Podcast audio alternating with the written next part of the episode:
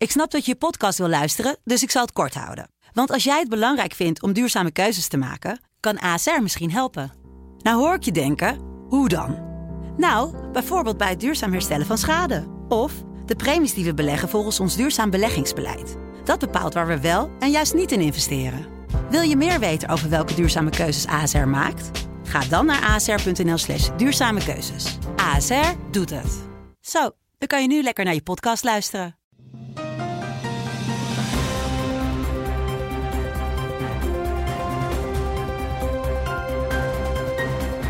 Dit is een podcast van de Telegraaf. In het land van Wierduk met Robert Ophorst. Ja, goedemiddag uh, dames en heren. Uh, vandaag niet met Robert Ophorst, maar met uh, Wierduk. En als gast hebben wij hier Sip Winia, bekend politiek duider en ehm, chefredacteur moet ik zeggen van Winia's Week. Een um, webmagazine eigenlijk, hè? Sip, zo kunnen we het wel noemen, met allerlei interessante artikelen, essays. Ja, het is een, een wekelijks en tegenwoordig zelfs uh, vaak midweeks ook uh, magazine. Uh, en tevens website. Dus alles wat in, het, in de nieuwsbrief, de magazine verschijnt, staat ook op de website uiteraard. Precies. Winia's Week, ga er naartoe, want daar vindt u allerlei interessante artikelen. Uh, Siep, uh, jij bent eigenlijk ook socioloog en historicus, hè, dat kunnen we wel zeggen zo langzamerhand. En als we nou eens met, uh, we gaan het natuurlijk hebben over de verkiezingen van gisteren en, uit, en de uitslagen ervan, het grote succes, alzo, althans het wordt gezegd van D66. Um, uh, de coalitie die eventueel gevormd gaat worden. Maar als we nou eens met de blik van een socioloog naar die uitslagen kijken. Hè? Uh, wat, wat zien we dan hier in eerste instantie? Wat is daar gisteren precies gebeurd? Heel veel mensen die, die zitten thuis, bekenden ze met de, met de handen in het haar, omdat ze deze uitslag niet uh, goed kunnen interpreteren. Nee, nou, dat, ik ben maar in beperkte mate socioloog. Ik, ik, ik ben een soort van generalist. En, ja. Ik heb overal belangstelling voor, laten we het dan maar ophouden. Maar je schrijft al decennia over politiek. En Zeker, en ik heb me natuurlijk ook verdiept en veel mensen over gesproken. Dus uh, ik ga me niet onnozel voorstellen dan ik ben. Nee. Uh, uh, wat ik denk dat vooral gebeurd is, is dat, dat we de effecten zien van het, het hogere opleidingsniveau in Nederland. Dat is een belangrijk aspect wat in ieder geval zichtbaar is geworden. Ehm, kijk, het is sinds al enkele decennia de overheidsdoelstelling om ongeveer 50% van de bevolking hoger opgeleid te laten zijn. Uh, daarvoor heeft men het HBO uitgebreid. En de, het academisch, de universiteits, uh, universiteiten anders ingericht. Dus steeds meer mensen gaan naar de universiteit of het HBO. En dat doet iets met mensen. Dat maakt ze tot een speciaal soort sociale stijger, zou je kunnen zeggen. Tegelijkertijd is de samenleving daardoor verdeeld geraakt. In mensen die wel hoog opgeleid zijn en die niet hoog opgeleid ja. zijn. En laag opgeleid zijn, of tegenwoordig noemen ze dat wel praktisch opgeleid zijn. Wat dus Ewald Engelen inderdaad vorige week in de podcast nog de scheiding tussen uh, theoretisch opgeleide en praktische opgeleide noemde. Ja, en hij was niet de eerste en nee. zal ook niet de laatste zijn. Dus dat, uh, die, die, dat onderscheid, die scheiding is er wel degelijk.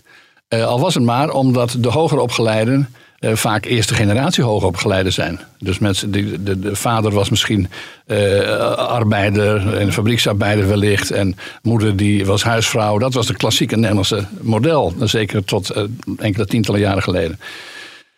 Wat doet dat met een hoger opgeleide? Die wil natuurlijk, in, die, althans degene die bezig is hoger opgeleid te worden, of dat is, die wil daar dolgraag bij horen. Want dan heeft hij 10, 20 jaar, 30 jaar misschien van zijn leven in geïnvesteerd, zou je kunnen zeggen. Hij wil graag bij die kasten van hoog opgeleid Zo is het. En er is een doodsangst om terug te vallen. Men geeft ook graag af op wat op de stemkeuze van uh, in ieder geval een deel van de lager opgeleide. Ja. Dus het hoort tot het ritueel om ieder kwartier iets ledigs over Baudet of Wilders te zeggen. Ja. Uh, en het leidt niet per se, die dat hoger opgeleid zijn, leidt niet per se tot, laten we zeggen, academische nieuwsgierigheid. De universiteiten zijn één brok collectivisme. Je moet daar voldoen aan de standaarden, vaak wat linkse, tegenwoordig ook de wokie uh -huh. de standaarden.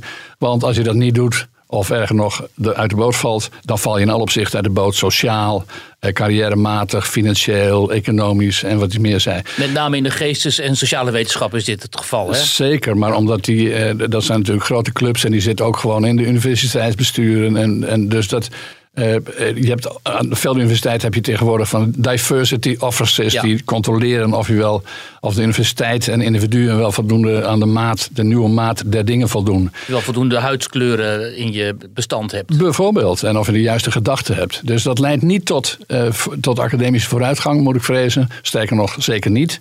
Want uh, de behoefte om erbij te horen is groter dan de academische nieuwsgierigheid waar een universiteit op worden draaien.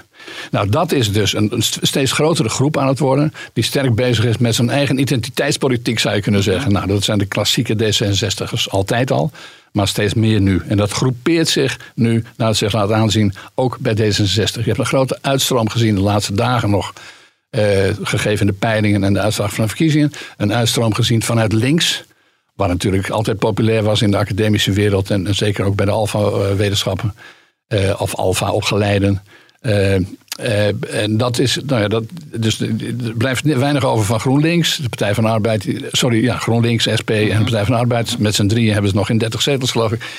Uh, en daar is vooral D66 beter geworden. Dus als je de studenten die GroenLinks stemden, of SP, is inmiddels verhuisd naar als wetenschappelijk medewerker of staflid of consultant overgestapt naar D66 en steunt daar dus Sigrid Kaag, waarbij natuurlijk ook nog een rol speelt dat we toch een beetje een strijd, uh, toch nog een soort tweestrijd hebben gehad. Uh, namelijk om te beginnen, wie is de grootste op links? Ten tweede, is er iemand die Rutte misschien toch nog kan bedreigen in de, noem het maar, linkse, centrum-linkse sfeer? En dat zou Knaag hebben kunnen zijn. En interessant is dan misschien, hè, als we deze analyse volgen, dat uh, juist ook die media uh, in de media zit een heel groot aantal van die mensen die jij beschrijft. Dus sociale mhm. stijgers die dan bijvoorbeeld een HBO-opleiding zijn gaan doen, school voor de journalistiek. Soms doorstromen dan naar de universiteit. Of twee masters gewoon, hè? dat bestaat ook. Twee masters bestaat ook, maar dat is toch vrij zeldzaam. Maar ja. um, uh, die dus, zich dus ook van nature zeg maar, associëren met, uh, met deze ontwikkeling. He, deze persoonlijke ontwikkeling, die zij zien als een soort van maatschappelijk wenselijke ontwikkeling waarschijnlijk ook. Ja, het, het staat niet vast of dat diep gevoeld wordt. Het kan ook weer hier uit angst zijn. Ja, dat je, uh, je moet wel de juiste dingen vinden, de juiste straling, eh, de, de juiste uitstraling hebben, de juiste codes kennen. Uh, omdat het anders wel schadelijk zou kunnen zijn voor jouw sociale welbevinden en je carrière klopt zo.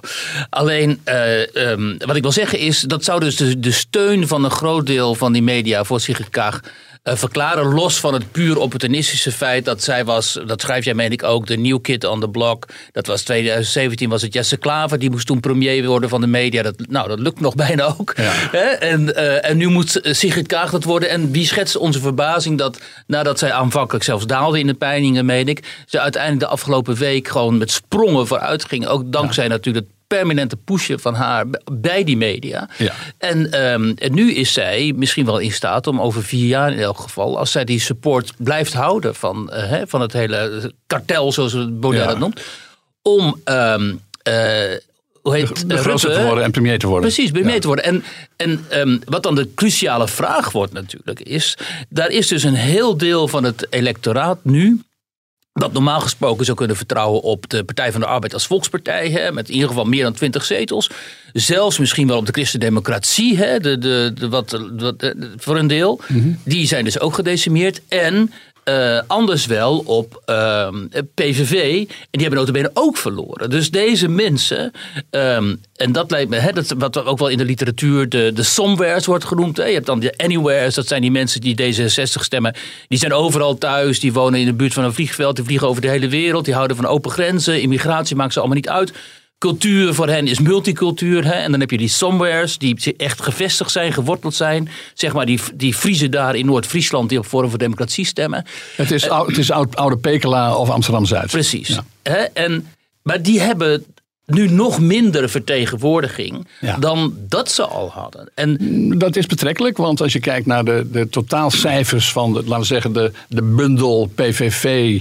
Uh, Forum, jaar 21, dan is dat uh, dan hebben die niet verloren. Of dat, zit ongeveer, dat is ongeveer dezelfde groep uh, kiezers die je, die je in de Tweede Kamer eerder al had. Als je ervan uitgaat dat Forum hen ook vertegenwoordigt. Hè? Dat, wat, dat ja, nou ja, dat, dat, dat, de vraag. dat is misschien de vraag. Maar de, de, mensen die op hem stemmen, die hebben vaak wel dat idee. Dus ja. dat moeten we even aannemen. Alleen, het punt is... Uh, dat zijn de, de partijen die bijvoorbeeld worden uitgesloten. Ja. Dus dan, zit je wel, dan heb je wel een stem in de Tweede Kamer nou, je mag hopen. Alleen die stem wordt niet gehoord, want die wordt al in het regeerakkoord wordt die weggestreept als niet de zaken doende. Ja. He, dat regeerakkoord, dat regeert ons voor de komende vier jaar of hoe lang het gaat duren.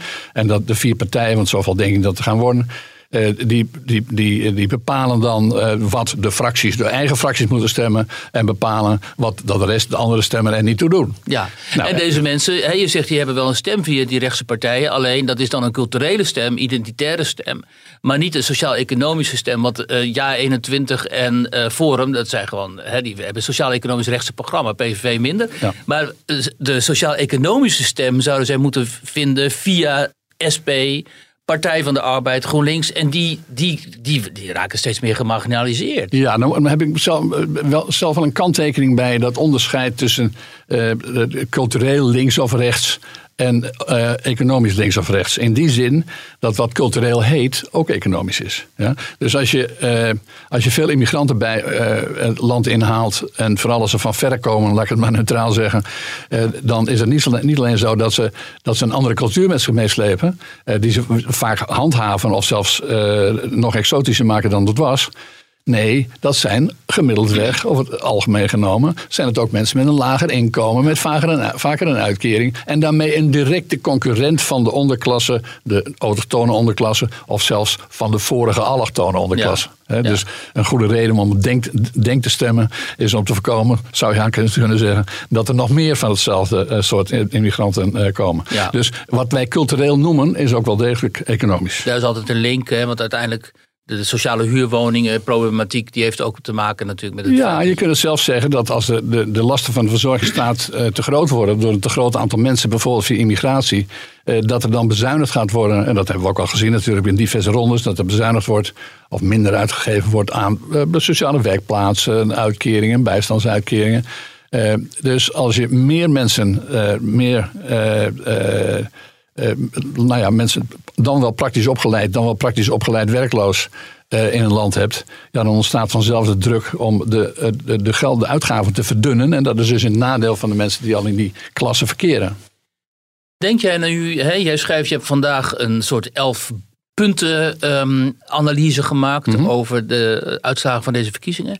Waar jij in jij als punt 2 hebt, uh, wat is eigenlijk nog het verschil tussen VVD en D66. Ja. En uh, he, je, daar haal je ook aan, wat ook wel vaker is gebeurd, dat Mark Rutte toen hij jong was eigenlijk zei dat de VVD een soort D66 moet worden. En, uh, of D66 moest het opnemen, of zelfs PvdA moest opnemen. Precies. Dat heeft hij met name in 2003, hè, toen hij jong staatssecretaris was, nog gedaan trouwens toen hij voorzitter van de JOVD was. Ja. 30 jaar geleden, toen wilde hij, dat was ongeveer het hoofdpunt van zijn agenda. Ja, precies. Ik zag afgelopen week nog zo'n debatje dat hij dan had met Bolkestein, meen ik, waarin hij dit ook zei. Zo'n hele jonge Mark Rutte, die dan ja. een hele beetje bedweterig toontje zo tegen Bolkestein dit soort dingen zegt. Dus hij is, zijn reflex van, is al van oudsher ja, naar links. Kijk, het punt is, uh, uh, als je in 1990 voorzitter van de JVD was, of het JVD-bestuur, dan was de kans dat je eigenlijk een halve D66er ja. of D66 was al heel groot. Ja. Dat was op dat moment in de mode om linkser te zijn dan de hoofdpartij, de VVD in dit geval. Opteerde ook alleen, voor paars en alleen zo, merkwaardig is, de meeste mensen die gaan dan een beetje bijbuigen in wel uh, richting. Dan krijgen ze een hypotheek en dan gaan ze wat anders denken over de hypotheekrenteaftrek, weet je wel. Maar uh, het merkwaardige van Mark Rutte is dat hij die flex nooit verlaten, hem nooit verlaten heeft. Nee. Dus er bestaan interviews uit 2000, toen hij, uh, toen misschien net staatssecretaris was, of niet eens, had hij gewoon dezelfde standpunten, ook over de, bijvoorbeeld de monarchie en zo, als, als in 1990. En uh, dus het is aannemelijk dat Mark Rutte weliswaar niet heel veel diepe standpunten heeft, laten we zo maar stellen. Dat is ook wel gebleken, want hij en, en, en, we hebben natuurlijk gezien de afgelopen tien jaar dat hij voortdurend akkoorden sluit. En de inhoud van die akkoorden zijn zijn nieuwe principes, Ja. ruwweg gesproken. Uh, maar dat neemt niet weg dat zijn jeugd, jeugdig, jeugdige reflexen ook nooit weg zijn geweest. En dat zie je uh, als het maar enigszins kan. Dus als, het, als, als hij vooruit moet lopen op zijn partij als het gaat over klimaatbeleid, dan doet hij dat zonder dralen. Als hij vooruit moet lopen ten opzichte van partij als het gaat over de hypotheekrenteaftrek, dan doet hij het zonder, zonder problemen. Uh, en, en dat, we hebben het zelfs gezien de laatste tijd op punten als nou in het algemeen de progressieve thema's, uh, div diversiteit en, uh, en duurzaamheid, klimaat. Ja. Ja. En dan zou je verwachten eigenlijk hè, dat er bij de, bij de VVD toch nog een soort stroming Bolkestein zit. Zeg Mhm. maar, de wat meer conservatieve liberalen en zo. Die dan massaal zouden gaan afhaken. Dus een, voor een deel eh, dreigde dat te gebeuren toen eh, Baudet de grootste partij Ja. werd. Maar daar is nu dus helemaal geen sprake meer van. De VVD is gewoon weer de grootste partij Ja, geworden. Maar er zijn twee redenen voor. Dat, dat, kijk, eh, bij de VVD is de inhoudelijke discussie altijd heel buitengewoon mager geweest. En iemand die wint, die ga je niet aanvallen. Dat is gewoon over bij de VVD het geval. En eh, de, de aanval die komt wel trouwens vrij snel als, eh, als de, de, de zetels tegenvallen en de banen tegenvallen en wat ik meer zei. Dus dat, dat hebben we dus bij Mark Rutte amper gezien. Inderdaad, twee jaar geleden even toen, eh, toen de VVD bleek niet de grootste partij te zijn bij de statenverkiezingen en dus bij de Eerste Kamer, maar, Ja. de, maar de, de Forum. Maar dat heeft de positie van Mark Rutte nooit ondermijnd. Eh, en laten we niet vergeten, de VVD is de laatste 15 jaar gewoon de Mark Rutte-partij geworden. Dus eh, hij beweerde tijdens een van die debatten, geloof ik, eh, de afgelopen dagen nog, dat, eh, dat de VVD echt een debatpartij was. Nou, dat is natuurlijk. dat is, ja, ik bedoel, dat is ongelooflijk dat je durft te zeggen. Er is helemaal geen debat in de Het is VVD. een machtsmachine. De machtsmachine is de marktmachine. Ja. Ja. er is, er is alleen, dat is gewoon een marktpartij geworden. Ik hoorde gisteravond nog iemand op RTL zeggen. Eh, van ja, het is, eh, het, het, het is niet zo ver eh, dat de VVD wel. dat Rutte hetzelfde kan doen als Macron Mhm. in Frankrijk. namelijk zijn eigen partij oprichten en dan wint hij weer. Ja. ja, wat deze verslaggever niet had gezien, is dat dat lang gebeurd is. Het lang gebeurd is. We hebben al lang Ja. een partij die de Rutte-partij heet, die geen enkele klassiek liberale reflex meer heeft. Eh, maar die, eh, die gewoon meebeweegt in het, in het spectrum aan de hand van peilingen en, eh, en uitslagen en co- coalitievormingsmogelijkheden. Eh, overigens, het is niet alleen Macron die dat doet, die doet het op zekere hoogte ook, Merkel maar Merkel doet doet dat. het bij uitstek. Ja, Die, iedereen denkt altijd, dat heeft, dat heeft merkwaardig genoeg ook Sigrid Kaag voortdurend beweerd de afgelopen dagen. Eh, dat Merkel haar grote voorbeeld is, omdat hij niet voortdurend op zich naar draagvlak zit te zoeken. Nou, Merkel is het enige wat ze doet, zoals jij en nog beter weet dan ik, is voortdurend peilen en kijken wat valt goed bij het volk. En, wachten en wachten en, en wachten. dan pas een beslissing nemen. Eh, Ja. precies, dus niks, niks, niks eh, wat het, daadkracht, alleen maar afwachten en schaken. Ja, maar dan zou je toch uiteindelijk wel verwachten, hè, gezien het, toch, het, feit dat mensen hoger opgeleid zijn tegenwoordig, ze kunnen zelf nadenken. Mhm. Veel Nederlanders worden, van hen wordt toch wel gezegd dat ze, gezond verstand hebben. Dat als dan zo'n machtspoliticus als, als Rutte, Mhm. zo'n enorme lijst van eh, blunders, Mhm. eh, slecht beleid, eh, leugens ook, eh, aan zijn jas heeft hangen. Dat dan uiteindelijk de kiezers gaan zeggen: ja, maar hoor eens. Dit kunnen we nu niet meer gaan dragen. Hè. Hier gaan we niet meer in mee. Nu gaan we toch eens zoeken naar een alternatief. Bijvoorbeeld uh, Wopke Hoekstra of uh, nou ja, noem maar op. Wat Ja. zich zo aandienen. Nou ja, kijk, om te beginnen is, uh, we hadden dat net al een beetje over. Het hoogopgeleid zijn, hoogopgeleid worden in de 21ste eeuw betekent niet per se nieuwsgieriger worden of, Ja. of kritischer worden. Dus het is, uh, laten we zeggen, linkse academici, laat ik het zo maar even noemen, die hebben een traditie, trouwens ook linkse journalisten, of journalisten in het algemeen zelfs, om, uh, noem het maar, kritisch te, zichzelf kritisch te noemen. En uh, in het geval van journalisten heeft het dan al gauw, uh, hoor het, luis in de pels en zo. Maar deze fenomenen bestaan in de praktijk nauwelijks meer. Mhm. De kritische linksheid is verdwenen. De, krit de, kritische houding in de academische wereld die stelt niks voor. Het groepsdenken, het, het tunnelvisie is dominanter dan, dan de academische onafhankelijkheid en het zelfstandig nadenken. Maar Siep, als, als het zo zichtbaar is, zoals in de toeslagenaffaire, hè, Ja. die door twee politici uh, en door enkele journalisten aan Ja. het licht is gebracht, en die zo'n zeg maar, vertrouwensbreuk betekende tussen burger en overheid. Ja. En uitgerekend de partijen van deze twee politici leiden verlies. In plaats van dat ze ervan profiteren. Ja. Um, en ook uh, in de media hoorde je ook bij die debatten en zo nauwelijks iets terug over die uh, affaire. En over de manier waarop, zich, uh, waarop die konden af, af, um, op, op Rutte konden afstralen. Wat, waar zijn we dan in beland geraakt? Wat, is, wat hebben we dan voor een probleem hier? Nou, dan hebben we het probleem dat de samenleving, dat stipt een andere manier net al even aan, dat er een geweldige kloof door de samenleving loopt. Als je zelf geen risico loopt in de toeslagenbusiness, omdat je uh, of een goede advocaat hebt, of geen toeslagen, of whatever what. Toeslagen zijn er met name voor de mensen die wat minder te besteden hebben. Nou, als daar dan problemen zijn, Ja, het is buitengewoon cynisch. eh, Maar het is niet cynisch als ik het zeg. Maar zo cynisch is de houding van veel mensen. Ja, nou, eh, ze zullen het nog gemaakt hebben. Of eh, eh, het is mij niet overkomen. Dus het zal mijn deur wel voorbij gaan. Eh, en dat geldt natuurlijk bij uitstek voor die, noem het maar, die 40% bovenlaag, ruwweg gesproken zeg 40%. Eh, want die 50% academici en hoger en hbo'ers is nog niet helemaal gelukt. Eh, die 40% die ook veel vaker gaat stemmen, laten we dat niet vergeten. Een Ja. aspect dat we niet moeten vergeten. Dus ongeveer een vijfde van de kiezers is, ondanks de hoge opkomst, toch weer niet gekomen. Maar die D66-kiezers zijn natuurlijk allemaal gekomen. En de PVV-kiezers en de SP-kiezers die zijn maar voor een kwart of een drie kwart of in ieder geval niet volledig opgekomen. Eh, hoe dan ook, het, is, het getuigt eh, niet van een groot solidariteitsgevoel. eh, wat je de laatste weken en maanden hebt gezien. Aan de ene kant zijn er de krokodillentranen over dat het zo vreselijk is wat de mensen allemaal is overkomen. En het is vreselijk wat die mensen is overkomen. Want de staat heeft zich tegen zijn kwetsbaarsten over het algemeen De gekeerd. allochtone burgers notabene ook nog. Ja, nou ja, dat zou normaal niet voor links reden moeten zijn en met het vlag erachteraan te Ja, lopen. Maar die kiezers, die, dat zie je dus niet per se zo gebeuren. Eh, dus eh, je ziet dat er in dat mediapark niet al te veel neiging bestond om eh, de, de toeslagenaffaire op te lieren. Je ziet dat er, en wat misschien ook een rol speelt, is dat er natuurlijk nogal wat partijen waren die allemaal een, een vlekje of een zware vlek hebben opgelopen. De, regeringspartijen zonder de, de ChristenUnie, de Partij van de Arbeid. Dus laten we zeggen, de machtspartijen, de, de, de partijen die het te doen, de partijen die kunnen gaan regeren, ja, die hadden allemaal hun redenen om er, om er geen aandacht aan te besteden. Of hebben kiezers die het niet, plat gezegd, interesseert. Lodewijk Asscher die trok zich er notabene om terug. En die moet nu dus aanzien hoe zijn eigen partij eh, nauwelijks nog bestaansrecht gaat hebben. Ja. Terwijl die andere partijen met wie hij re- eh, regeerde eh, eh, totaal geen ehm, eh, negatieve gevolgen daarvan ondervinden. Ja, nou is het, is het zoals het meestal gaat bij partijen, en zeker bij de, bij de Partij van de Arbeid, heeft de Partij van de Arbeid zich natuurlijk eh, zichzelf eh, quasi eh, opgeblazen in deze zin. Want het, zijn, het is geen, is geen parlementair debat geweest, er is zelfs geen media-actie geweest. Het is gewoon gedoe en gerotzooi door enkelen, naar ik begrijp, in de Partij van de Arbeid geweest in de poging om, Ja. om Asscher weg te krijgen. En dat is gelukt. Of hij trouwens meer zetels had gekregen dan Lilian Ploemen, dat valt ook allemaal nog te bezien. Want de Partij van de Arbeid heeft natuurlijk een beetje een treurig verhaal. Het was de grote, een van de grote brede volkspartijen. Eh, heeft diverse minister-presidenten geleverd na de oorlog.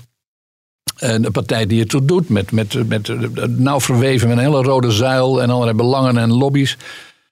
En diezelfde Partij van de Arbeid heeft zichzelf eh, marginaal gemaakt in, eh in luttere tijden. En niet, alleen, en niet in de laatste plaats ook omdat ze eerst zich op bovenmatig richten op de nieuwe verworpenen den aarde, dus de allochtonen. Eh, waardoor de arbeiders, zal ik maar zeggen, eh, wegliepen naar, eh, naar de PVV en eerder al naar, naar, naar, naar PIM. En vervolgens hebben ze ook de allochtonen eh, weer een duwtje weten te geven. Waardoor Denk bijvoorbeeld ontstond. Ja. Dus ja, waar, wie is, waar is de PvdA nog van? Wie is van de PvdA? Dat zijn er niet zoveel. Hoe kwalijk is het als een democratie geen stevige sociaal-democratische vertegenwoordiging heeft? Dat hoeft niet echt te zijn. Kijk, het, zou, het zou misschien in, het, in de 20e eeuw een, eh, een, een slecht teken zijn geweest, omdat dat in de westerse samenlevingen, althans de Europese westerse samenlevingen, een vanzelfsprekend ingrediënt van de democratie was. En laten we niet vergeten, de 20e eeuw was ook de eeuw van de emancipatie van de arbeider, ruwweg gesproken. Inmiddels zijn we een in de westerse wereld eh, is, is de emancipatie van de arbeider heeft een nieuwe vorm gekregen. Namelijk de arbeiderszoon is eh, hoogleraar geworden, als het ware. Dus dat is een element. En bovendien, de 21ste eeuw zie ik ook als de eeuw van de emancipatie van de vrouw. Meer dan de emancipatie van de arbeider. Eh, dus dat zijn... eh, nou ja, dus de sociaaldemocratie heeft in de meeste landen in zijn klassieke vorm eh, de, de- zijn positie verloren. En die Ten, tenzij ze met de tijd meegaan, zoals ze dat in Denemarken bijvoorbeeld hebben gedaan. Daar hebben ze gezien dat, dat je niet eindeloos tegen, eh, tegen eh, eh, arbeiders die geen nieuwe asielzoekers in, in, in hun land willen hebben. Eh, zeggen dat ze discrimineren en racist zijn. Wat zoals de meeste sociaaldemocraten in, eh, op- in, in Europa doen. Ja. Dus de Deense sociaaldemocraten die zijn, die zijn, hebben gewoon een verkiezing gewonnen. Omdat ze eigenlijk, als je kijkt naar immigratie en, en aanverwante percelen, ongeveer net zo rechts heet dat dan. Dat heet rechts te zijn, misschien is het helemaal niet rechts. Rechts zijn geworden als de populisten. ja. De, de, eh, er is veel literatuur over hè, waar- waarom ehm, links, de left, uh, zijn eigen achterban is kwijtgeraakt. En decennia ook eigenlijk heeft vernederd. Hè, in die zin door te zeggen tegen die blanke arbeidersklasse van... Uh, jullie zijn racisten en je moet zo worden zoals wij, anders ben je onfatsoenlijk. Nou, deplorable ben je dus eigenlijk. Ja. Hillary Clinton deed dat. Um, Sigrid Kaag, die toch wordt geacht de leider te zijn van. een, excuus, mag ik er even tussendoor nog even op inhaken? Kijk, wat, het is niet alleen zo dat, dat links zich tot de allochtonen bekend heeft in een zekere fase. Nou, alsof, alsof je daar groot mee zou worden. Nou, dat is betrekkelijk. Bovendien, op, als ze, als ze allochtonen uh, integreren of emanciperen, dan, dan, kiezen ze hun eigen weg.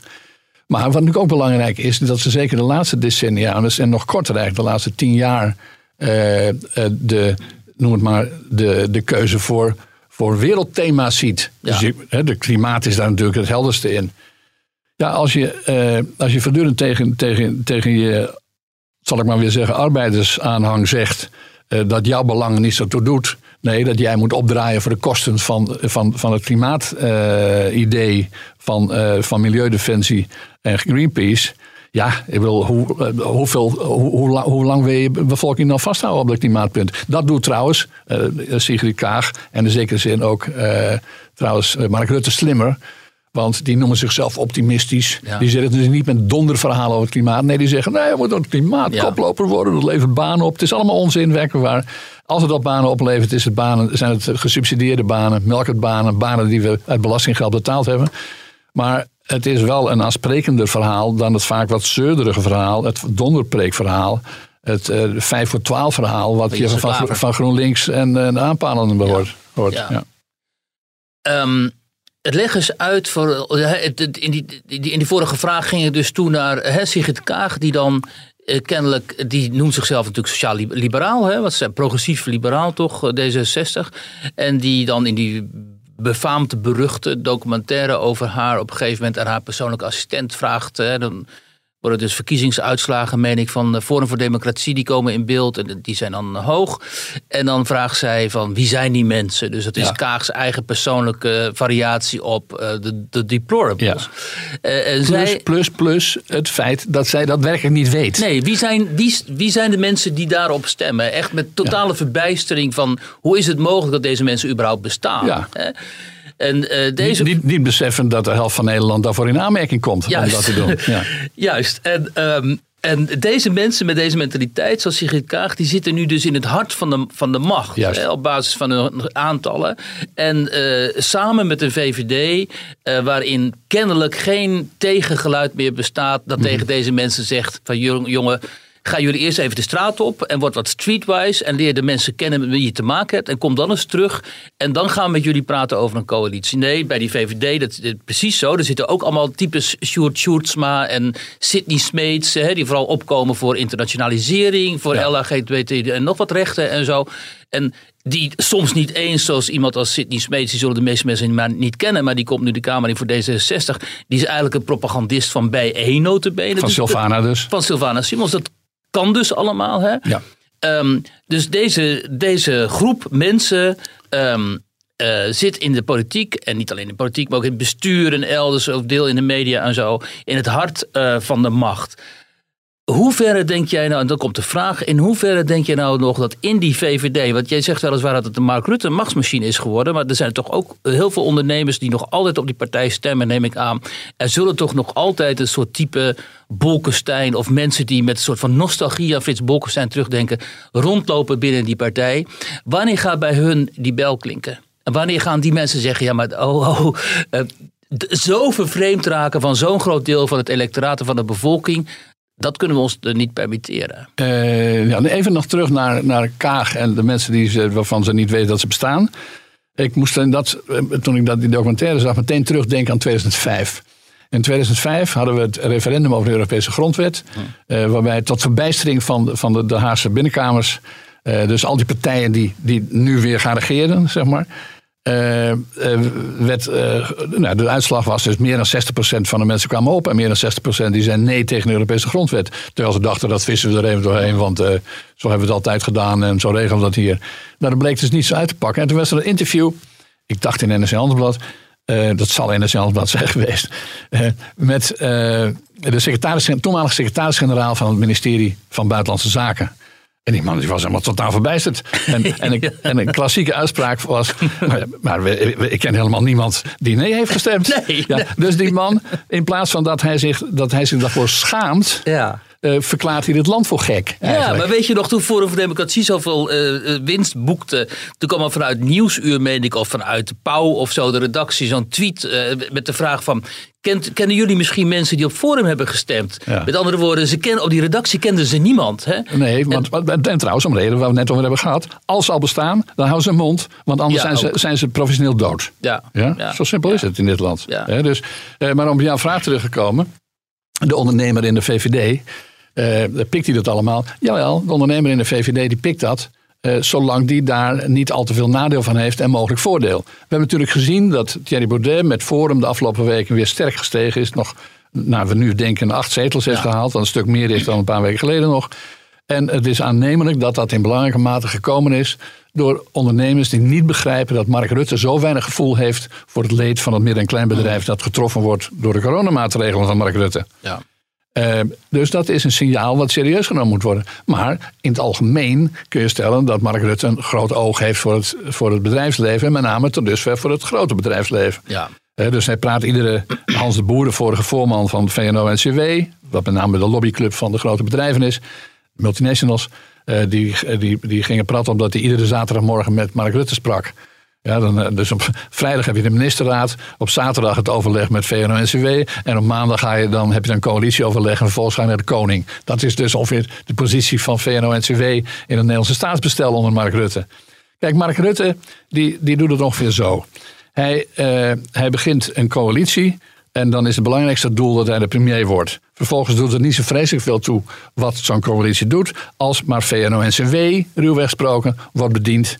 En als maar links wordt bediend, want hij moet met links regeren. Dus geeft hij links veel ruimte. Eh, Van die hobbydingetjes. Van die, nou ja, hè? maar dat zijn vaak geen kleine dingen. Het klimaatbeleid, dus het percentage van het klimaatbeleid... dat wij klimaatkampioen worden, dat is, een pure linkse lobby. Ja. Eh, Maar kijk, eh, Mark Rutte denkt van nou, ik, ik, ik messel daar wel eens van. Want dan praten we weer met Hans de Boer, van, of toen Hans de Boer van VNO-NCW. En dan zegt hij van ja, ze willen allemaal hoge percentages. Dan zegt Hans de Boer, ja, dat is hartstikke goed. Want die denkt, eh, hoe meer werk aan de winkel, hoe beter voor mijn klanten. Ja?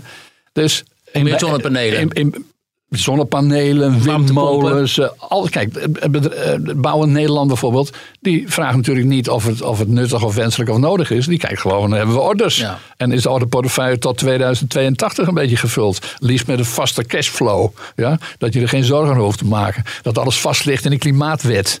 Nou, dus dat, die klimaatwet is een links dingetje bedacht door Milieudefensie en Greenpeace. Is uitgevoerd en in de politiek gebracht door eh, Jesse Klaver en Diederik Samson.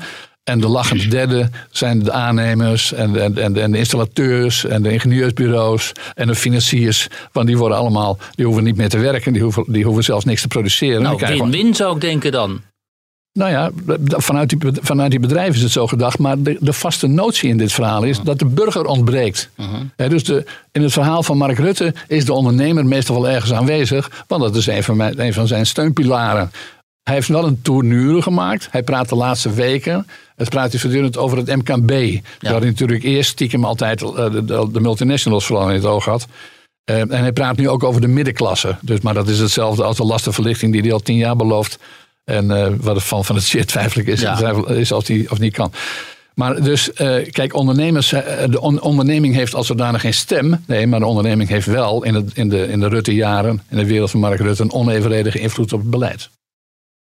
En de burger heeft daar weinig eh, van geprofiteerd in zijn portemonnee. dan, Nee, in, in tegendeel. Nee, alle koopkracht, niet alleen zijn, eh, eh, zijn, is de koopkracht ook in de Rutte-jaren, met name ook in de Rutte-jaren, systematisch achtergebleven. Maar dat is natuurlijk extra pijnlijk, omdat er voortdurend beloften zijn gedaan die niet na zijn gekomen. Ja. ja. Ehm, dan komen we bij de Christen-Democraten. Want hè, als je dan ergens dan tegenwicht zou verwachten. en tegenwicht vanuit de, echt vanuit de samenleving, hè, vanuit de gemeenschap. Ja, dan zouden toch de Christen-Democraten daar eh, de, het speerpunt van eh, moeten vormen. Ja. En dan had, te- en dan bedoel ik ook tegenwicht tegen dat liberale marktdenken. Hè, meer pleidooi voor eh, iets socialer de, politiek ook. Ehm, maar Wopke Hoekstra heeft die verwachtingen totaal niet kunnen waarmaken. Het CDA zodanig niet. Hè? Het begint in mijn analyse al iets eerder. Nou, eigenlijk al, nou, al veel eerder, kun je zeggen. Er bestaat het kader van het CDA. dat, is al een, dat, bestaat al, dat is al een heel lang bestaand fenomeen. Het kader van het CDA is het meest linkse deel van het CDA. Ja. De leden zijn ook in zekere mate wel bereid nog wel linksig te denken. Maar de achterban, dus de potentiële, de, de potentiële kiezers die zijn helemaal niet zo eh, progressief geneigd. En dat, die mensen. Dat, dat, die zijn niet allemaal links geformeerd. Nee, sterker nog, dat, dat worden ze wel gemaakt. Dus de dominees die allemaal. Uh, die, de, PK, de, leiding van de PKN bijvoorbeeld. Dat is allemaal uh, zo links als wat. Ja. maar de echte. Maar kijk, de, de, als je de, de, de CDA groot wilt maken. Dat lukte bij Balkenende in, in, in de eerste tien jaar van deze eeuw. Uh, Balkenende die ging juist uh, concurreren met de VVD. Ja. die ging op de tandem zitten bij Pim Fortuyn en werd zo de grootste. Dat is de manier van het CDA om groot te zijn. Niet om, uh, laten we zeggen, een linkse variant van een, een christendemocratische variant van D66 of, of, of zoiets te zijn. Maar, en wat spreek je dan aan precies? Welk sentiment in de samenleving? nou, gewoon de, de, de, een, een, laten we zeggen, conservatisme light. -huh zou je kunnen zeggen. Dus dat is niet als, uh, dat is geen, uh, geen hype-achtige veranderingen. Uh, niet achter iedere bubbel aanlopen. Geen wokie rotzooi. en niet meer immigratie dan een land aan kan. wel sociaal proberen te zijn. maar niet iedereen zitten te pamperen als dat niet nodig is. En dan zit er in de CDA-traditie natuurlijk ook nog altijd iets van, noem het maar, de arbeidsvrede. Ja. dus dat je, ik ben daar zelf geen grote liefhebber van, maar het corporatisme. Ja. Uh, dus dat betekent dat je niet, geen spanning in de, in de samenleving probeert te hebben, maar dat via overleg en uh, handjeklap eventueel. Polderen. Polderen. Dat wordt vaak positief over gesproken, maar er kan ook veel negatiefs over gezegd worden. Maar goed, in ieder geval, het CDA is, moet, kan alleen groot worden op rechts, gesproken. Centrumrechts, whatever. Maar er bestaat binnen het CDA-kader een vaste neiging om links af te slaan. Dat geldt met name voor het protestantse deel en met name voor het gereformeerde deel, mhm. dat relatief dominant is mhm. binnen het CDA. En wat hebben we nou de laatste tijd gezien? Dus de meneer Ploem is voorzitter geworden. En die maakt weer dezelfde, voorzitter, dezelfde fout als de vorige voorzitters. Eh, die gaan allemaal linkse eh, rapporten laten schrijven. En die zeggen dat CDA groot moet worden in de, in, de, in de steden. Ja, maar serieus, ik heb een paar van die rapporten dus doorgenomen. Maar dan denk je echt van, eh, hè? hebben ze het over een andere partij of zo? Inderdaad, dan willen ze groot worden in de vier grote steden. En ze gaan ervan uit dat het, hun electoraat ergens op links uh, blijkt te liggen. Ze hebben het totaal niet begrepen. Uh, ze, ze, leven in een, in een soort vrije universiteitsbubbel. Ja. Dat, die, die, universiteit is opgericht, zoals je weet, door Abraham, Abraham Kuyper. de grondlegger van de gereformeerde zuil. Is tegenwoordig meer islamitisch dan gereformeerd. ja. en, dus dat is, ze zijn totaal in de war. Het CDA heeft geweldige kansen, misschien nog steeds. Maar dan moeten ze eindelijk eens een keer een beetje rationeel worden. Ja. En, niet, en niet aan wensdenken doen, maar gewoon hun ogen open houden. En dan weet je dat als je het CDA, als het, als groot wilt worden in Rotterdam, maar vindt dat de, dat de boeren maar uh, het, uh, moeten oprotten, zal ik maar zeggen. Of althans, het CDA is toch een beetje mee gaan lopen met D66 dat, en GroenLinks en de Partij van de Dieren die, die de, de, de boerenstand wil houden, de veestapel halveren en zo. Ja, ik wil daarvoor hoef je dan niet op CDA te stemmen. Dat zie je ook aan de opkomst trouwens van, het, van een nieuwe zetel. Ja, van de Plas die zit gewoon in de Kamer zo Precies, meteen. precies, precies. Nou, dat is de hele tijd natuurlijk een pijnlijk, uh, uh, een pijnlijk uh, icoon voor het CDA. kijk, een partij die voortdurend lobbyistisch opkomt voor de boeren is misschien iets te veel van het goede. Maar als je een partij van de grote steden wilt worden, en het platteland en de boeren wilt laten lopen, dan ben je met zelfvernietiging bezig. En daar waren ze dus al mee bezig voordat ze drie lijsttrekkers hadden. Namelijk uh, één die het bestuur wilde, één die de, in ieder geval de helft van de leden wilde. En, ten derde, en vervolgens hebben we een derde genomen. Hè? Ik, niet, ik kan die namen nog wel even noemen, maar iedereen kent ze. Hugo de Jonge was de kandidaat van bestuur. Pieter Omtzigt uh, was populair in den landen en ook de helft van de leden wilden hem. En die twee werden uiteindelijk niet. Maar de ongekozen man die ooit geparasiteerd was, die nooit een verkiezing had gedaan. Uh, ja, die, moest, die werd er wij ingestuurd. En die bleek uh, wel een goede verschijning te zijn als premier. Maar als hij zijn mond open deed, nog een stukje minder. Ja, dat was toch wel heel erg teleurstellend hoe hij die debat uh, inging. Ja. Um, Pieter Omtzigt had misschien als lijsttrekker een betere prestatie geleverd.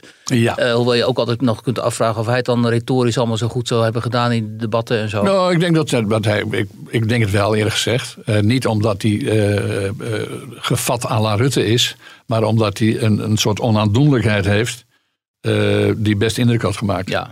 ja. ja. Als we, we hebben nu geconstateerd hè, dat, dat een beetje niksige midden, dat zit nu dus uh, zwaar gewoon aan de touwtjes uh, te trekken zometeen. Uh, op links dient zich niemand aan die überhaupt Mark Rutte enigszins van tegenwicht... nee, dat komt natuurlijk ook omdat, omdat Mark Rutte en Sigrid Kaag allemaal linksigheid in zich dragen. Precies. Waardoor links is leeggegeten, ja. kun je zeggen. Ja, precies. En dan, is, en dan ontbreekt het ook nog eens een keer aan echte persoonlijkheden daar op links. Hè. En, en heel, veel, heel veel duiders zullen bovendien zeggen dat op dit moment Sigrid Kaag de persoonlijkheid op links is. Wat ze natuurlijk helemaal niet is. Maar goed, zo wordt ze dan wel nou, gezien. Ja, maar ik, kijk, laten we niet vergeten, haar, haar, kiezers zijn wel degelijk mensen die zichzelf graag een beetje tot links rekenen. Ja, progressief. Ik noem dat, ik noem dat het, het linkse levensgevoel. Juist. En, en zij is natuurlijk, heeft, heeft ook, zij is natuurlijk ook een beetje een lifestyle kandidaat. Ja. Uh, Sigrid Kaag. En dat is, uh, uh, dat is aan de ene kant een cosmopolitisch Toscane, weet je wel, 27 talen spreken.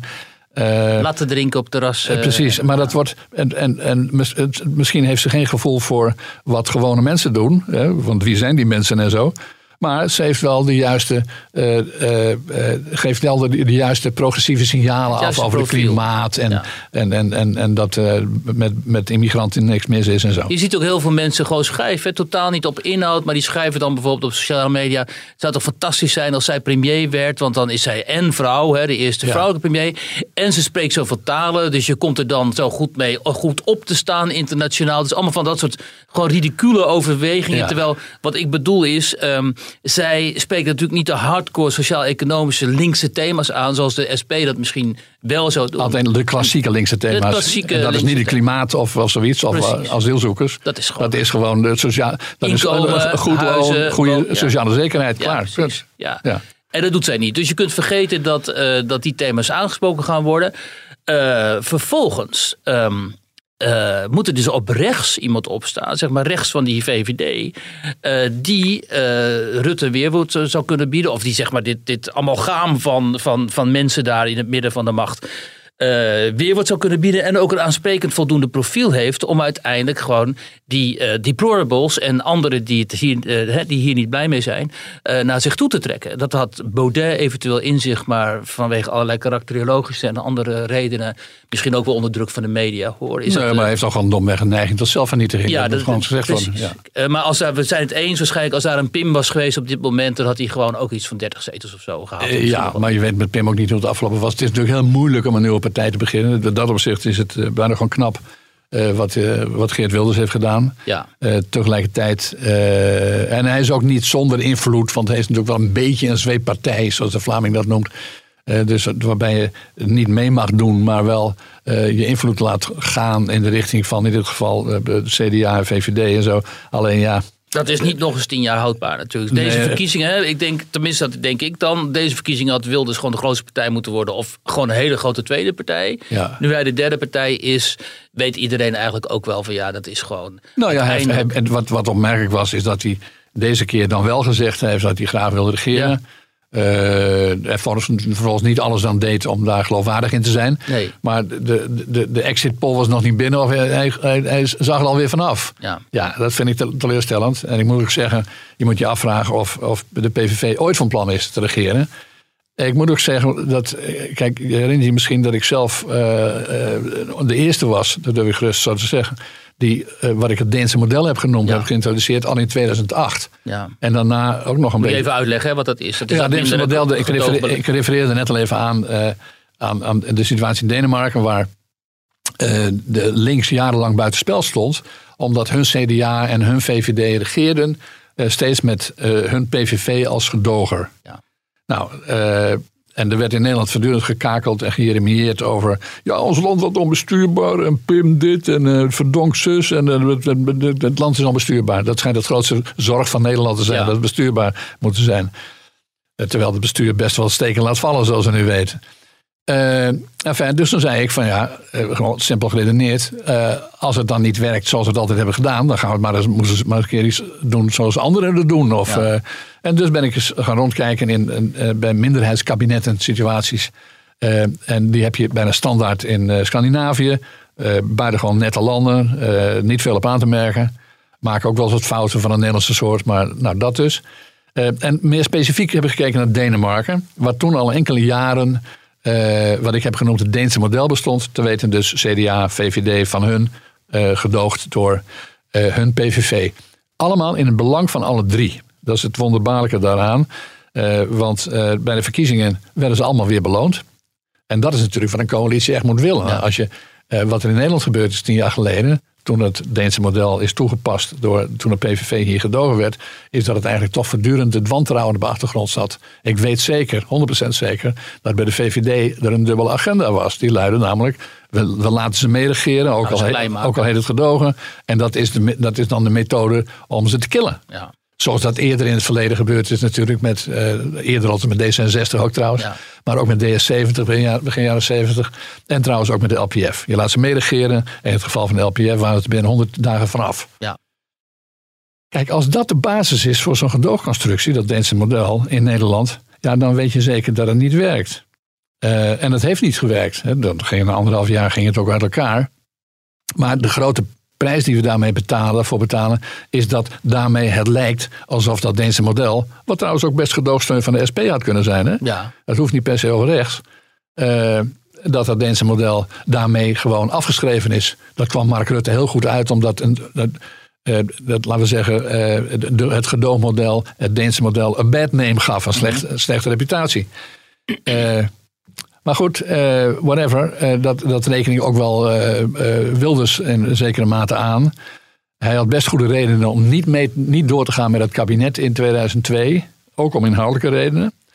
We, in feite zeggen alle partijen nu dat, in, dat je in het hoogtepunt van de economische crisis niet moet gaan bezuinigen en lasten verzwaren. Ja. Wat, wat ik altijd stupide heb gevonden, wat verstandige economen toen ook al stom vonden. Maar in, in feite zegt iedereen dat nu. Nou, dat zei Geert Wilders toen al met zo geworden.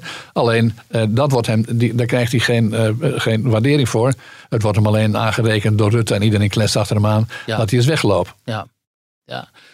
Uh, maar goed, dat gaan we nu natuurlijk niet krijgen. Hè, want Rutte heeft gewoon in principe voor het uitkiezen toch. Het is nu aan die andere partijen, met name CDA neem ik aan... en waarschijnlijk misschien Partij van de Arbeid... Ja. om te zeggen, ja, wij gaan niet met jou in een coalitie... want dan maak je ons nog kleiner. Ja, maar dat gaan ze niet doen, denk ik. Hè? Ik heb, ik, ja, jij ziet hen echt als bestuurderspartij. Nou, nee, ja, dat, dat, heet in Nederland dan bestuurderspartij. Maar, maar ze, hebben, ze, ze, hebben natuurlijk gewoon... De, de besturen, dat schijnt een apart vak te zijn. In een ander land, in een ander land is iemand politicus of niet. Ja. En als hij, en als hij van... Uh, fractievoorzitter, minister wordt, dan is hij nog steeds politicus. Maar wij noemen dat dan bestuurder. Ja. Uh, dan, daarmee depolitiseren wij het, het, het vak, als het ware. Nee, uh, het, het, vak van politicus. Het zijn van politicus. Het bestaan van politicus. Uh -huh. Maar uh, nee, kijk, wat ik denk dat gaat gebeuren. De, wat ze ook gewonnen mogen hebben. D66 en de VVD hebben, nou, zich laten aanzien, onvoldoende zetels voor een meerderheid in de Tweede Kamer. Nou, uh, we hebben het al geze gezegd, uh, besproken. Een minderheidskabinet vooraf, om te beginnen. Dat zit er niet in, dat zal Rutte ook niet willen. Uh, en die wil trouwens sowieso graag het CDA erbij. Want het zal toch maar gebeuren dat het CDA en de oppositie plotseling wel weer groot ja, gaat worden. Dus dat is een belangrijke reden voor, voor Rutte om het CDA erbij te willen hebben voor de meerderheid. Maar ja, D66 die zit daar minder op te wachten. Die heeft liever de linkse partij erbij. Nou, de enige die er echt voor in aanmerking komt, is de Partij van de Arbeid, onder de Partij van de Arbeid, dat graag wil. Uh, dat wil zeggen, misschien is het wel slecht voor de PvdA, maar voor de belangen van de PvdA en de mensjes in de PvdA en de baantjes en de korte lijntjes en de lobbycratie is, en de nieuwe burgemeestersbenoemingen, je weet het, dit hele rijtje kun je erbij bedenken, is het voor de PvdA belangrijk om niet uit, de, uit, uit het mandje van de machtspartij te vallen. Ja. En dat is dus een, een gecombineerde belang, kun je zeggen, van CDA en de Partij van de Arbeid. Uh, uh, ik noemde dat geloof ik in mijn stuk zoiets van liever meebesturen op de bijrijdersstoel dan helemaal niet meerijden. Dus dit is wat we gaan krijgen, denk je? Dat is wat ik denk. Kijk, ik kan allemaal nog anders gaan, maar dit is logischerwijs met, uh, met de, de, de ogen van nu uh, de coalitie die we gaan krijgen. Ja. Ehm, hoe zie jij de potentie dan uh, uiteindelijk, hè, stel dat we inderdaad deze coalitie gaan krijgen, de potentie op rechts, nu dat ja uh, 21 ook in de Kamer zit met ja. Eerdmans, uh, Wilders ja, doet slechter dan uh, menigeen had verwacht, denk ik. Maar, nou ja, maar is goed. je kunt ook zeggen, hij is kleiner geweest, hij is groter geweest, ja, maar hij zit hij gewoon is er in altijd. De, ja, en is substantieel, hè? dus de tweede of de derde partij. Ja.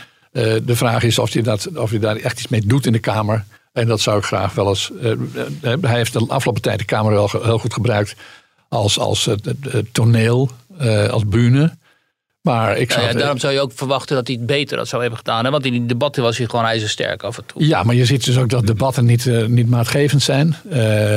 en, en kijk, hij is, verder is hij gewoon domweg, heeft hij hinder gehad van de concurrentie van Forum en van, uh, van jaar 21, zo simpel is Ja, want dat wilde ik vragen. Kijk, Joost Eermans van jaar 21 die heeft heel nadrukkelijk gezegd dat hij de VVD naar rechts wil trekken en dat hij ja. regeringsverantwoordelijkheid wil dragen. Ja. Hij wil gewoon al die punten waar wij het hier over gehad hebben, wil hij gaan inbrengen uiteindelijk in een coalitie, zodat er ook daar eens een keer uiteindelijk iets ja. aan wordt gedaan. Uh, nu Wilders misschien hè, het tij niet meer zo mee heeft. En Baudet vanwege zijn uh, onvoorspelbaarheid voor heel veel mensen toch een stap te ver is. Denk je dat Eertmans de komende vier jaar uh, van die partij van hem een grote beweging kan maken? Die inderdaad misschien kan mee gaan opteren voor de macht? Nou ja, wat het goede nieuws is natuurlijk dat hij vier zetels heeft gehaald. Joost Eertmans heeft eerder ook eens een keer meegedaan op eigen kracht. Aan de, aan de, de Tweede Kamerverkiezing in 2006. -hmm. En toen was hij nadrukkelijk next best. Hè. Toen had ja. hij een, een, soort, uh, een soort Rotterdams alternatief voor uh, Geert Wilders. En in de peilingen uh, haalden zij zetels, maar in de verkiezingen niks. Nee. En, en, Wilders precies andersom. dus de real thing is vaak aantrekkelijker dan, de, dan, het alternatief, dan de afsplitsing. Zoals Eertmans en Ja 21 is. Nou goed, het pure feit dat ze niettemin vier zetels hebben gehaald uh, wijst erop dat ze daar uh, niet heel veel nadeel van dat principe, van het beginsel hebben ondervangen. Onder, ondervangen. Uh, kijk, wat, wat evident is, is dat zij een sterke positie verkeren. Want zelfs als die grote coalitie komt die ik net schets, en die trouwens in belangrijk opzicht helemaal niet zo groot is, omdat het PvdA en het CDA immers klein zijn, mm-hmm. dan nog zal Rutte in een aantal gevallen steun nodig hebben zowel in de Tweede Kamer, maar zeker in de Eerste Kamer. Ja. Nou, Joost Eertmans met Ja 21 is een best aardig mini-partijtje in de Tweede Kamer, maar een relatief grote partij ja. in de Eerste Kamer. Dus uh, hij kan daar veel uh, mee doen. Hij kan gewoon. want kijk, de, de Rutte-kabinetten zijn akkoordenfabrieken, zoals we weten. Het begint met een, een regeerakkoord, en dan krijg je een klimaatakkoord, een sociaal akkoord, een woonakkoord. Het barst van de akkoorden. Dat is ook tevens een handicap, want we hebben dan, hij produceert wel akkoorden, maar niet altijd welzijn en welvaart, mm -hmm. zou ik maar zeggen. Maar goed, uh, het zou dus best kunnen zijn dat, uh, dat uh, Eertmans samen met zijn Eerste Kamerfractie Rutte onder voorwaarden tot steun kan zijn. Op die manier kan hij invloed uitoefenen. Nou, dat, dat zou dus een gunstig aspect kunnen zijn. De vraag is of de kiezer dat te zijn tijd beloont. Ja, precies. Dat is zeer twijfelachtig. Ja. Want uh, uh, je weet, meedoen met Rutte is meestal vingers verliezen. Ja, dat is toch wel het kenmerk van deze mensen. Ook van Angela Merkel. Hè? Als je met haar mee in de coalitie gaat, ja. word je gewoon opgevreten. Ja. Um, uh, als laatste of zelfs als gedoger. Hè? Dus Jesse heeft in feite, Jesse Klaver, ja. was, was, was gewoon een opzichtige gedoger van het kabinet Rutte de afgelopen ja. vier jaar. Nou, we hebben gezien, hij is gehalveerd. Begon met complimenten te strooien naar de premier. Hè? En ja. Ja. Dat is dus een hele gevaarlijke route om uh, te volgen. Maar ja, Mark Rutte heeft ook niet het eeuwige leven. Dus die gaat over vier jaar waarschijnlijk toch wel uh, vertrekken, neem ik aan. Misschien tussendoor ja, ik, nog. Ik, is zie, het... ik weet dat niet. Ik, ik, zie iedereen dat zeggen. Kijk, wat hij, hij heeft natuurlijk sowieso belang bij hem te doen. Alsof hij nooit gaat vertrekken. Ja. Want je weet dat je bent al aangeschoten wild. Als je zelfs maar oppert dat je ooit eens een keer ermee ophoudt. Ja. Ja, dus ook om die reden wekt hij de indruk alsof hij, alsof hij tot in den doet uh, minister-president wil blijven. Ja. Uh, maar ik denk eerlijk gezegd ook dat hij niet veel anders heeft. Laten we zeggen, hij heeft wel in zekere mate een sociaal leven, maar dat is ook politiek. Ja. Uh, denk ik. Ja. Uh, en die gedachte dat hij misschien naar Europa zou gaan, toch ooit eens. Nou ja, ik heb dat zelf ook al zo geschreven, maar niet zozeer omdat, omdat dat, dat moest, maar omdat het kon. Ja. En, en ook een beetje vanuit de gedachte, waar ik, die niet helemaal klopt in dit geval dat een, een Nederlandse minister-president, we hebben het gezien bij Lubbers, we hebben het gezien bij, bij Kok, we hebben het gezien bij Balkenende. ja, ze zitten allemaal net iets te lang. En dan krijg je tranen en dan dondert die partij in elkaar. Ja. Eh, dus dat is allemaal voorspelbaar. Alleen bij Rutte gaat dat vast ook gebeuren. We weten alleen niet wanneer. En ik, ik zag ook een groot stuk, een goed geïnformeerd stuk eh, over de Nederlandse situatie, politieke situatie in de Financial Times. Mhm. Waarin ze zeiden van ja, nee, aan het Binnenhof had er wel van uitgegaan dat het de laatste keer is en dat hij over vier jaar. Maar ja, we weten helemaal niet wat de volgende verkiezingen over vier jaar zijn. Eh, misschien zijn die pas over twee jaar. Hè. Er wordt ook vaak gesuggereerd dat die eerder zouden zijn. Dat Al Rutte, over twee jaar. al over twee jaar zouden zijn dat, eh, dat, dat Rutte in de grote problemen komt. Omdat hij, eh, hoewel Tegen die enquêtes. ja, omdat hij weliswaar T-val-mark is, maar eh, die enquêtes over de gaswinning in Groningen en over de grote enquête dan over eh, de, de toeslagenaffaire en misschien zelfs een, en- een enquête over de corona, eh, het coronabeleid, dat hij dat niet zou overleven. Ja. Nou ja, misschien is dat zo. Tot dusver, eh, eh, als, je, als je doorgaat op wat de lijn die we tot dusver hebben gezien, is zijn ondergang of zijn kwetsbaarheid wel eerder voorspeld en, en tot dusver niet gebleken. Ja, het is natuurlijk echt, als laatste dan hoor, maar het is natuurlijk echt heel opzienbarend dat je ziet hoe Rutte gewoon blijmoedig eh, doorgaat en allerlei winsten bij verkiezingen behaalt, terwijl eh, Pieter Omtzigt inmiddels met een burn-out thuis zit. Als, Ja. hè, die kun je toch wel het voornaamste slachtoffer van het regime Rutte eh, noemen. En dat bedoel ik niet het politieke regime, maar Ja, gewoon ja, het feit dat Mark Rutte is wie die is. En Zeker. En kijk, we hebben een, een, er was een klassiek moment ergens halverwege januari. Toen was, had je het Kamerdebat over de toeslagenaffaire. waarbij het kabinet al demissionair was of ging worden. Of net geworden was, denk ik. Net geworden was. En toen, zei, eh, en toen, was, eh, toen was Pieter Omtzigt, die was nogal emotioneel bezig. Liet ook doorschemeren dat hij de hele nacht had doorgewerkt Ja. en weet ik veel wat. Ja. En dan denk je van ja, dat is misschien ook niet altijd verstandig dan. Nee. Maar waarop Rutte zo te loop zegt, nou ik heb alle tijd hoor, ik heb, ik heb goed geslapen. Ja. Kijk, moet luisteren, dat is, eh, eh, je kunt er een pesthekel aan, aan hebben aan die attitude van Mark Rutte. Maar het is wel de handige benadering natuurlijk. Ja. ja, dat is inderdaad wat je nu. De scherven die zitten daar in Enschede in, de, in het huis van Pieter Omtzigt. Hè. Geen winst geboekt met Nee. al die inspanningen. En ondertussen gaan eh, de. de- Nou ja, kijk, er, kan, er, kan, er kunnen nog interessante situaties voordoen als die plotseling wel, ik verwacht dat niet, maar het zou kunnen, dat hij meer zetels heeft gehaald dan de lijsttrekker, Ja. die hij niet mocht worden, de lijsttrekker. Eh, en eh, voor het CDA is dat trouwens, zou dat dramatisch zijn, want dan kukelt de hele zaak. Dan krijg je natuurlijk toch een beetje eh, wat we bij de VVD hebben gezien in de jaren 2006, 2007.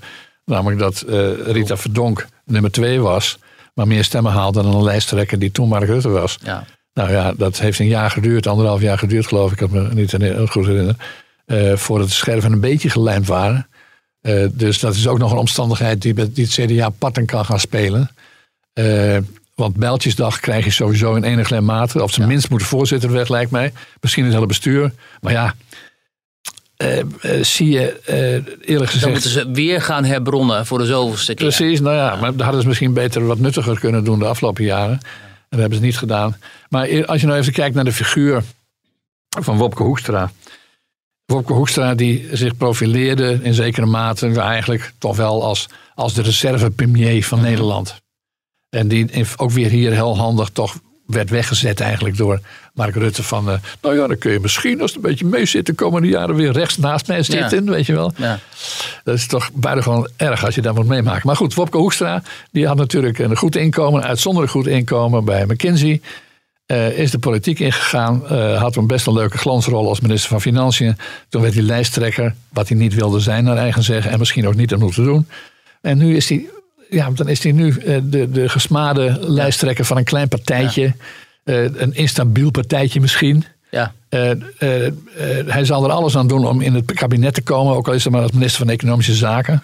De voormalige prezes van het zo Van Minerva. Ja. beroemde hè, studentenkoor Minerva, waar je toch gepocht en gemazeld uit zou moeten komen, Ja, zou je denken. Precies. Dus Vernederd Rutte, het is toch niet te geloven? precies. Die Ja. ongetwijfeld in zijn kringen als een, als een hoe heet het ook weer, onder koorballen. eh, Ja, de hoe heet het dan? Een knor heet dat, hè? Ja. Ja, dus Oh, knor, weer, eh, hoe heet die? Murt Rutte, ja. dat Mark Rutte is een knor. Ja. Die was geen lid van Minerva, Ja. niet van het koor. En het Ja. heet dan in de wereld van, van Minervanen een knor. Dan kijken ze op je neer. Nou, eh, dan Nou, en ze- kijk, die, die rangorders is in de wereld van, van koorleden, die gaat het hele leven mee. Juist. Ja, dus het- neem maar van mij aan dat in de wereld van Wopke Hoekstra er al wordt neergekeken op de schoolmeester eh, Hugo de Jonge. Ja. maar ook niet in alle opzichten. Er werd opgekeken naar de, de, de, de geschiedenis, uh, hoe heet het?